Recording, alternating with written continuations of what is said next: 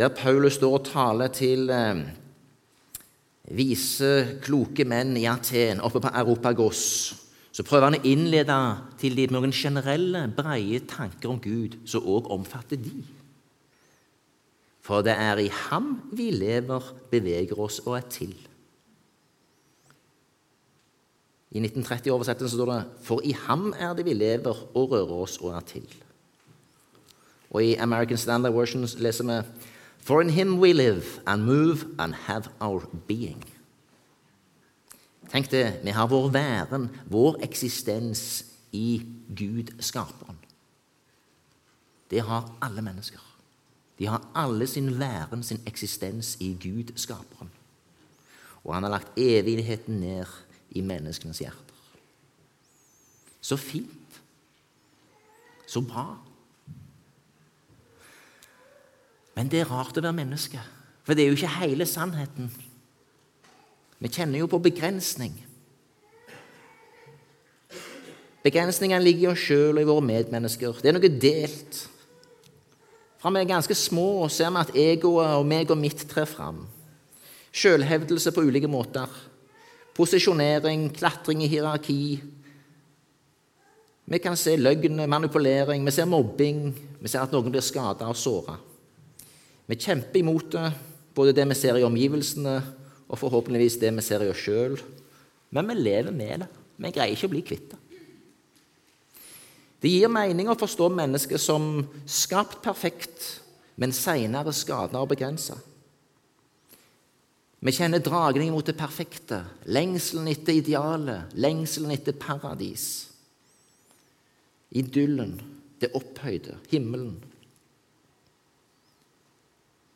Den lengselen gir seg uttrykk på mange vis. Vi har en fin salme, salme 42, som uttrykker dette fint, og som det jo er skrevet en sang på. Som en hjort lengter efter vann, jeg lengter efter deg. Som en hjort lengter efter vann, jeg lengter efter deg. Dypest sett er alle våre ulike tilbøyeligheter preget av en dyp, dyp uro og en dyp, dyp lengsel etter Gud. Men vi er begrensa. Vi blir skuffa over at mennesker i nære relasjoner ikke forstår oss. Midt i fellesskap kan vi kjenne på ensomhet, at vi ikke blir sett, at vi ikke blir møtt. Vi sukker litt oppgitt over de som står nær. Lærer du aldri? Forstår du ikke mine behov? Kan du ikke ta litt hensyn? Vi sårer og skuffer hverandre i familie, i vennskap, i menighet, i denne forsamlingen i jobbfellesskap og på andre arenaer. Og så er det en ting til som kan være litt skjult. De andre ser litt mer hos deg enn det du ser sjøl. Og kanskje har du av og til forstått, uten at du helt på dypet forstår, at andre reagerer òg noe på det du eh, gjør. Det er rart, det der, altså. Og så videre, da kan det bli verre. Det kan gå over i noe aktivt, mer bevisst skading av andre. Noe utnytter å ta deg. Noen samler seg imot deg. Noen legger en plan. Dette kan skje fra første klasse i skolen eller fra barnehagen. Vi nærmer oss at det finnes noe ondt. Det kan være en kombinasjon av det aktive hatet, men òg den likegyldigheten der vi ser noe skjer, men som vi ikke gjør noe med det som ikke tar tak i. Nå kan det begynne å bli tungt. Det blir ensomhet og utfrysning. Det kan bli brudd, det kan bli splittelse, det kan bli konflikt. Vi er begrensa. Vi lever med dette. Hvorfor? Det har Anne Kristine allerede lest. Fordi menneskene ikke kunne stå imot fristelsen, ikke kunne stå imot ondskapen, forførelsen og den fordekte løgner. Vi lever i en fallen verden. Hvorfor satte Gud dette treet som ga kunnskap om godt og ondt i hagen? Hvorfor ga han oss muligheten til å velge feil? Det må ha vært rart å ha vært de første menneskene som levde før ondskapen var kjent for dem. De hadde hørt om treet som gir kunnskap om godt og ondt. Men de hadde ikke kunnskap om godt og ondt. De levde i frihet fra å vite noe om det. De bare levde. De bare var. Og slik ville Gud ha det. Og så er det ytterligere mysterium. Nå har vi fundert på mysteriet i oss sjøl. Hvorfor var så den onde der? Var det Guds plan at det onde skulle plage menneskene? Var slangen en del av skaperverket? Har vi kunnskap om dette i Bibelen? Det har vi. Vi kan lese i åpenbaringsboken, siste bok i Bibelen, kapittel 12, fra vers 7. Da brøt det ut en krig i himmelen. Mikael og hans engler gikk til krig mot draken. Draken kjempet sammen med sine engler, men ble overvunnet, og de kunne ikke lenger ha noen plass i himmelen. Den store drake ble styrtet, den gamle slange, han som kalles djevelen og Satan, og som forfører hele verden. Han ble kastet ned på jorden, og hans engler med ham. Og jeg hørte en høy røst i himmelen som sa:" Seieren og kraften og riket tilhører fra nå av vår Gud, og hans salvede har herredømme. For våre brødres anklage er styrtet, han som anklaget dem for vår Gud dag og natt. De har seiret over ham i kraft av lammets blod. Men vi kan også lese i Esekiel, kapittel 28. Så sier Herren Gud, du har fullkommenhetens seil, full av visdom og skjønnhet. Du bodde i Eden, Guds hage, og var dekket av alle slags edelstener. Jeg gjorde deg til en strålende og vernende kirub. Du var på det hellige Gudefjell og vandret mellom funklende steiner. Fra den dag du ble født, var du hel i din ferd, inntil det ble funnet urett hos deg. Din store handel førte med seg at du ble fulgt av vold og begynte å synde. Da støtte jeg deg bort fra Gudefjellet og gjorde ende på deg, du vernende kjerub mellom de funklende steiner. Din skjønnhet gjorde deg hovmodig, og fordi du var så strålende, forspilte du din visdom. Da kastet jeg deg til jorden og overga deg til konger, så de kunne se på deg med skadefryd. Og videre i Jesaja 12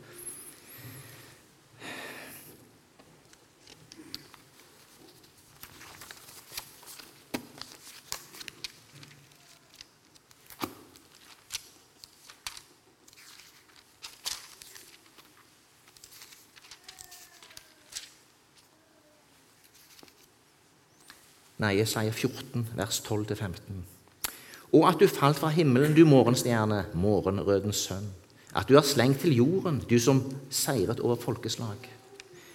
Det var du som sa med deg selv, til himmelen vil jeg stige opp. Høyt over Guds stjerne reiser jeg min trone.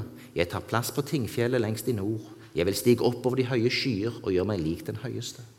Ned til dødsriket er du støtt ned, lengst nede i den dype hulen. Disse tre tekstene hinter til oss om en kamp i himmelen. En tredjedel av englene blir sammen med draken styrta til jorda. En som var opphøyd og hadde stor tillit. En vernende kirub. En strålende engel. Kanskje snakker om den aller fineste engelen som var. Som i kraft av sin skjønnhet overgikk alle andre. Men han ville reise seg opp og bli som Gud og gjøre meg lik den høyeste. Han ville, han ville ikke være mindre enn Gud. Og det ble en kamp i himmelen. Han ble styrta til jorda, og det onde kom til jorda. Da forstår vi kanskje enda mer av dette med forførelse. For en av de mest kraftfulle måter det onde virker på, det er gjennom det vakre, det skjønne, det fine, sågar det gode, som vi ikke gjennomskuer. Så fint å kunne ha kunnskap om godt og ondt. Å bli som Gud og bli invitert inn i det. Så nydelig. Det er en forførelse. Og dette er det vi lever under. Vi lever som delte mennesker som ble forført, og stadig blir forført. Vi kan også bli forført innad i menigheten av fine folk som gjør fantastiske ting. Jeg kjente jeg ble litt lei meg i går når jeg hørte han Jean Vanier, som rett og slett har bygd opp en svær bevegelse som, med bofellesskap, der kristne bor sammen med Eller der, der det er fellesskap der en bor sammen Folk som da har øh, kanskje funksjonshemninger av ulike slag. Som er som jeg vil si, altså, er tilbakestående på ulike vis. Fantastisk flott bevegelse. Jeg tenkte, Dette er jo det ultimate. Tenk det! Å bygge en sånn bevegelse. Den holdt på med siden 1960. Og så hører vi at han i perioder da har vært borte i et miljø der han altså da har um, brukt kvinner i en del som en slags åndelige øvelser, der det å ha intimt samvær har vært en del av åndeligheten. Da blir vi skremt. Vi har blitt forført. Vi har blitt lurt av noen som var midt iblant oss, som vi så opp til, og som hadde gjort store ting for Gud. Og vi syns det er vondt. Og så Mange sånne historier finnes. Men vi blir forført. Vi lever i forførelsens tid. Derfor skal vi også være litt forsiktige i våre fellesskap, i våre menigheter. Blir det for bra, blir det for fantastisk, så er det kanskje noe der. Det er ikke slik altså, at vi sjøl skal opphøye oss og skape noe aldeles nydelig. Det må være preget av Guds ånd. Da er det heller kanskje av og til noe litt sånn halvskadd i det, der vi ser noe av det menneskelige. Det tyter ut at ja, ja, han er ikke helt perfekt, han heller, heller ikke hun, men, men vi ser hjertelaget. Blir det for bra, altså, så er det ofte noe spooky i det. Dette er en del av forførelsen, og dette må vi snakke om, for dette har vi med oss og lever. Eh, det er noe som er en realitet.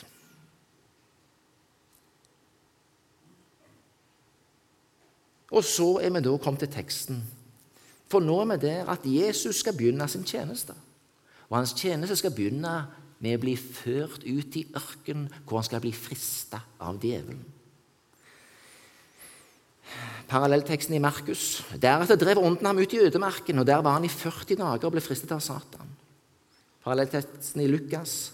Fulgt av Den hellige ånd vendte Jesus tilbake fra Jordan, og drevet av ånden ble han ført omkring i ødemarken, hvor han ble fristet av djevelen i 40 dager. Det er altså ikke slik at Jesus ble frista tre ganger. Han ble konstant frista av djevelen i 40 dager og 40 netter.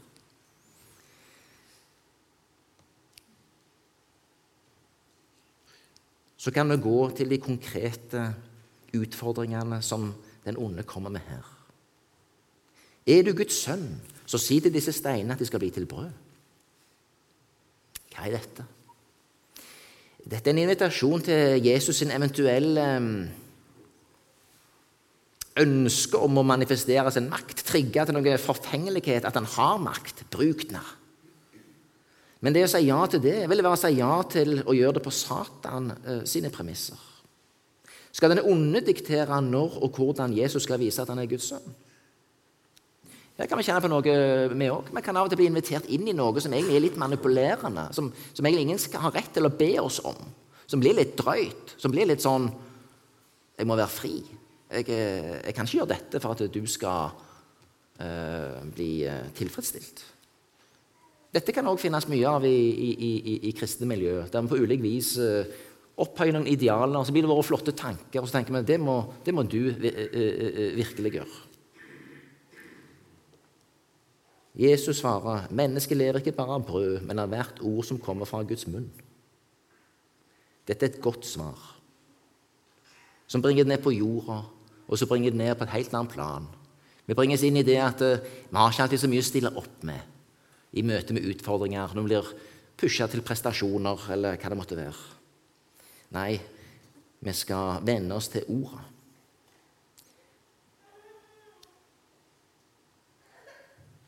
Og Det er det noe som mange av oss har erfart i ulike situasjoner. Vi kan ta det litt generelle.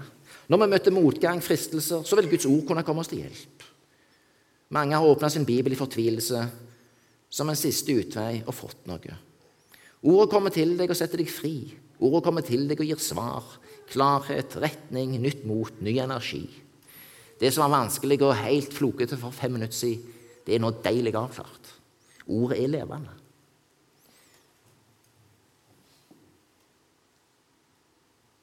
Ordet har fått virke i deg. Og Ordet kan bli en nistepakke som du kan tære på. Sjøl bruker jeg Fredrik Wisløffs Min bønnebok. Den kommer i stadig nye opplag. Det fine der, der er det jo 90 bibelord og 90 bønner som Fredrik Wisløff hadde samla gjennom livet sitt. Og de 90 bibelordene og hans bønner under, de er for mange av oss mer enn nok som en sånn en god start, eller noe du kan ha med deg i, i løpet av dagen. Det setter deg på sporet. Jeg er nok ikke av de som er flinkest til å lese systematisk i Bibelen. Kona mi er det. Hun har sånn leseplan. Jeg er ikke der. Jeg, jeg må mer bli pusha til det. Uh, i den jobben jeg har nå, så, så, så, så blir jeg ofte pusha til det. Og det er bra for meg.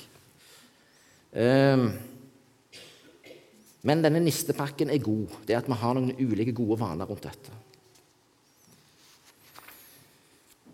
Guds ord kan fungere i sin sammenheng, men det fungerer også som enkeltord. Det å kjenne Guds ord hjelper oss til å gi oss beredskap, som i den situasjonen Jesus erfarer. Både som ord vi kan si, som en beredskap til å forstå en situasjon, og som ord som hjelper oss til å forstå hva vi i denne situasjonen skal gjøre. Guds ord er mat, det er brød, det er til hjelp i mange ulike situasjoner. Og Jesus går rett på dette og viser oss dette. Videre, djevelen bringer han til hjørnet av tempelmuren. Kast deg ned, fordi det står skrevet. Wow, wow, wow. Nå begynner han å bli flink, du. Nå henviser han sjøl til Guds ord. Hoi. Nå er vi ved et spennende Han er jo from. Det er klart De fleste av oss vil bøye oss for dette. Når man kommer med bibelordet, hvem kan stå seg imot det? Da må vi vel bare gjøre det, da. Da må vi vel bare hoppe ut, da. Da må vi bare gjøre det som denne personen sier. Som legger dette ordet på oss og prøver å dytte oss i et bestemt hjørne. Vi ser den usunne maktutøvelsen, den som med Gudsordet vil tvinge oss inn i en krevende situasjon. Og her greier Jesus å holde hodet kaldt.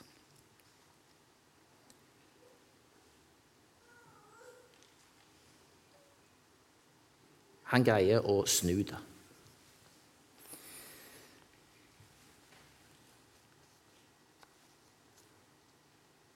Han eh, lar seg ikke føre utpå av eh, djevelen. For han kan òg et bibelord om dette. Jesus henviser til Bibelen i kapittel 5, eh, 5. Mosebok, kapittel 6, vers 16. Dere skal ikke sette deres Gud på prøve slik som dere gjorde ved Massa. Det var da folk ble tørste og tvilte på Gud og lurte på er Herren iblant oss eller ikke. For hvis Han er her, så må Han jo nå gi oss vann. En slags test. Her kan vi jo komme flere, kan vi ikke det? Gud, nå må du svare. Hvis dette eller dette skjer, så kan jeg ikke tro på deg. Du må gi svar nå på den måten. En litt annen tilnærming har vi hos uh, vennen til Daniel i Daniel 3, vers uh, eh, 16-18. Vennene tar til orde og sier til kong Nepukaneser.: Vi trenger ikke svare et ord på dette. Om så skal være, makte vår Gud som er dyrker, og redde oss og frelse oss fra den glødende ovnen og fra din hånd, konge. Og om han ikke gjør det, skal du vite, konge, at vi ikke vil dyrke din Gud og ikke tilbe gullbildet du har reist. Dette er den rette holdning. Gud er suveren. Vi forlanger ikke et bestemt svar. Vi setter han ikke på prøve og forteller at vi gjør sånn for å vise at han er Gud. Vi overlater det til Gud. Det som er vanskelig, det vi ikke forstår, det gapet som finnes i de fleste menneskers liv. Det finnes noe litt uforløst, noe vi ikke helt forstår hvorfor vi skulle leve med, hvorfor det skulle bli sånn. Men vi legger det over på Han.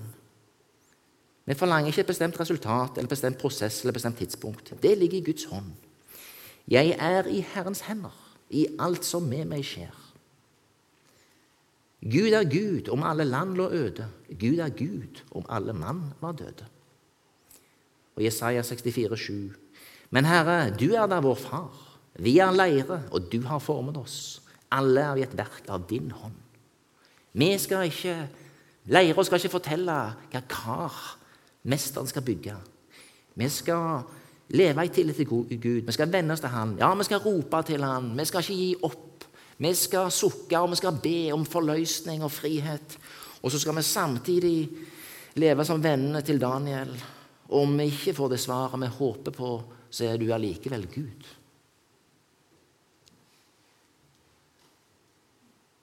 Så er det opp på et fjell. Ser utover all verdens riker og deres herlighet. Alt dette vil jeg gi deg hvis du faller ned og tilber meg. Men her du avslører djevelen seg virkelig. Hans mål er makt og underkastelse. Fall ned og tilbe meg. Tilbe penger, tilbe rikdom, tilbe ære fra mennesker. Jeg har alt dette i min hånd. Jeg kan gi deg det. Så fristende. Så spennende med disse pengene. Så spennende med denne æren. Så spennende med et sorgløst liv. Ja, dette virker interessant. Så mange mennesker som har forspilt sitt liv på det den forførelsen. For det blir aldri det du tror. Det blir bare en, en brønn som lekker. Det går aldri an å bli lykkelig og mett med å gå den veien og la djevelen få lov til å gi deg de gevinstene. Det blir aldri nok.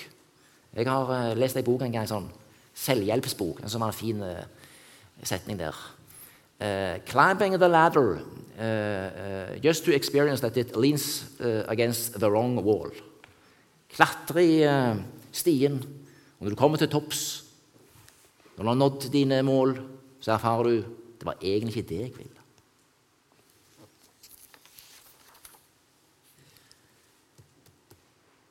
Jesus er tydelig og direkte her, for her har djevelen blitt tydelig og direkte om sine hensikter. Han sier, 'Bort fra meg, Satan'. Herren din Gud skal du tilbe, bare ham skal du tjene. Der forlot djevelen ham, og engler kom og tjente ham. Jesus har bestått den første innledende prøvelsen i ørkenen. Dette å bli svak. Et svakt menneske som er sulten og tørst, og som blir frista av djevelen. Han er blitt frista som Adam og Eva. Han har stått imot. Med hjelp av Guds ord har han avvist djevelens makt. For Guds ord er levende og virkekraftig og skarpere enn noe tveget sverd. Det trenger gjennom til det kløver sjel og ånd, merg og ben, og dømmer hjertets tanker og planer. Amen.